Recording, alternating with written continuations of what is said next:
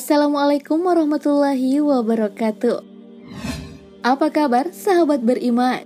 Malaikat merupakan makhluk ciptaan Allah Subhanahu wa taala yang suci dan terhindar dari segala perbuatan dosa. Dan salah satu malaikat yang erat kaitannya dengan kehidupan umat manusia adalah malaikat maut. Sebab malaikat maut bertugas untuk mencabut nyawa setiap manusia yang telah tiba ajalnya. Sehingga apabila malaikat maut telah menjalankan tugasnya, maka hal tersebut menjadi tanda berakhirnya kehidupan umat manusia di dunia ini.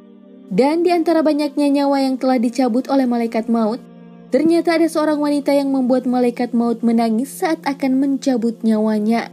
Lantas, apa yang menyebabkan malaikat maut menangis saat mencabut wanita itu? Namun, sebelum lanjut, mari bersama tebar syiar Islam dengan klik tombol subscribe, like, and share untuk berbagi informasi bermanfaat. Amin ya Robbal 'Alamin.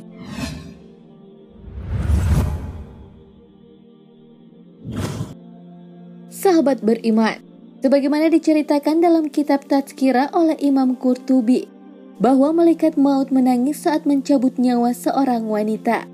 Padahal wanita itu tidak digambarkan sebagai seorang yang taat beribadah. Dikisahkan bahwa malaikat akan mencabut nyawa seorang wanita yang saat itu sedang berada di tengah padang pasir yang tandus. Meskipun ajal sang wanita telah tiba, namun malaikat maut masih belum menjalankan tugasnya. Hal ini disebabkan karena ternyata wanita itu sedang hamil dan hendak melahirkan.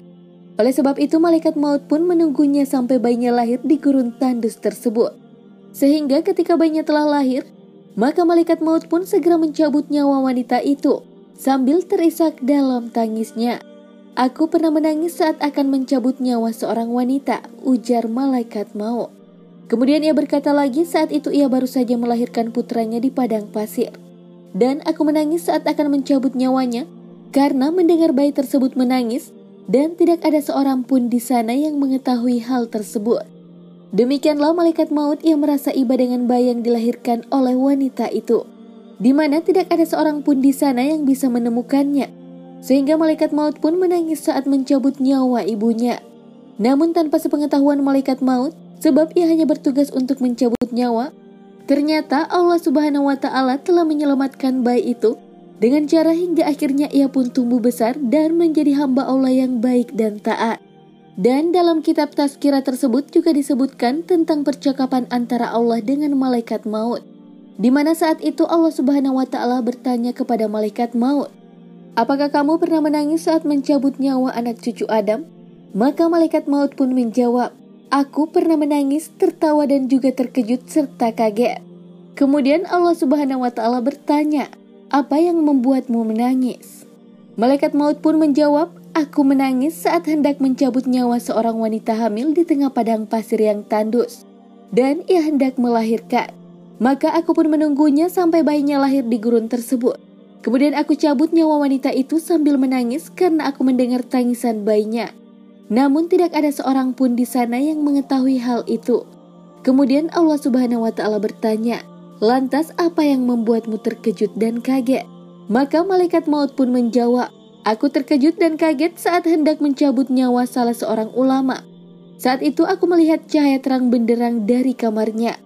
Setiap kali aku mendekatinya, maka cahaya itu semakin menyilaukanku, seolah ingin mengusirku. Sehingga aku cabut nyawanya disertai cahaya tersebut. Dan Allah Subhanahu wa taala pun bertanya lagi, "Apakah kamu tahu siapa lelaki itu?"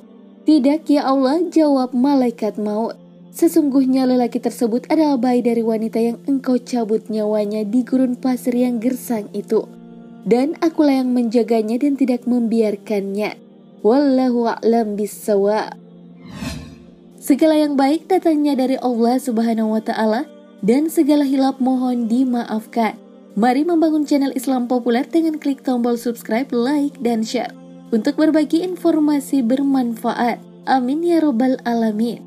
Wassalamualaikum warahmatullahi wabarakatuh.